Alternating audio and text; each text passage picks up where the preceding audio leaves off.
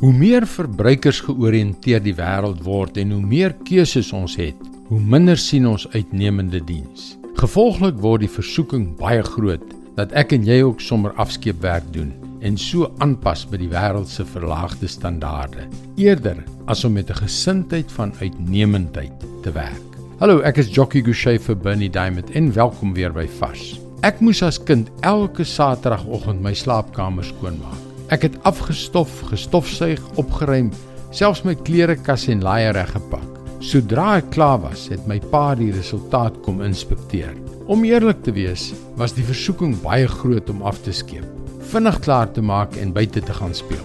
Maar my pa het sy voet neergesit. As daar nog 'n paar donsies op die mat was, moes ek dit weer stofsuig. Ek het dit gehaat.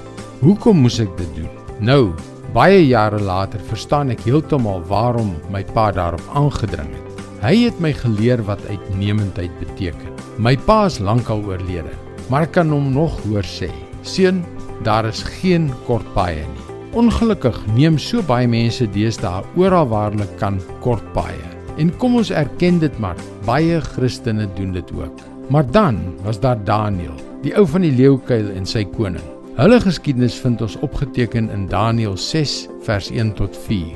Darius, die Medier, het die koningskap oorgeneem toe hy 62 jaar oud was. Hy het besluit om 120 goewerneurs-generaal aan te stel om oor sy hele koninkryk te regeer.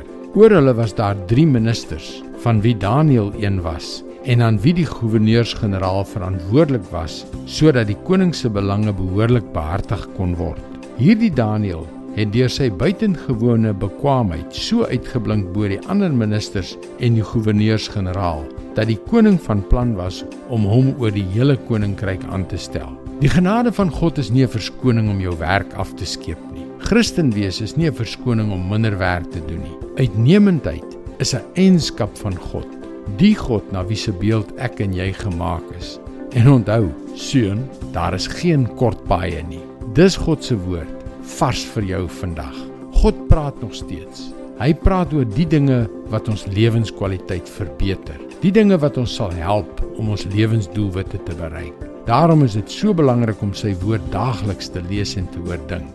Ek wil jou graag aanmoedig om ons webwerf varsvandag.co.za te besoek. Daar is baie stof om jou te help op jou reis tot 'n betekenisvolle verhouding met God.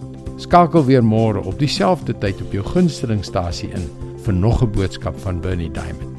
Mooi loop. Tot môre.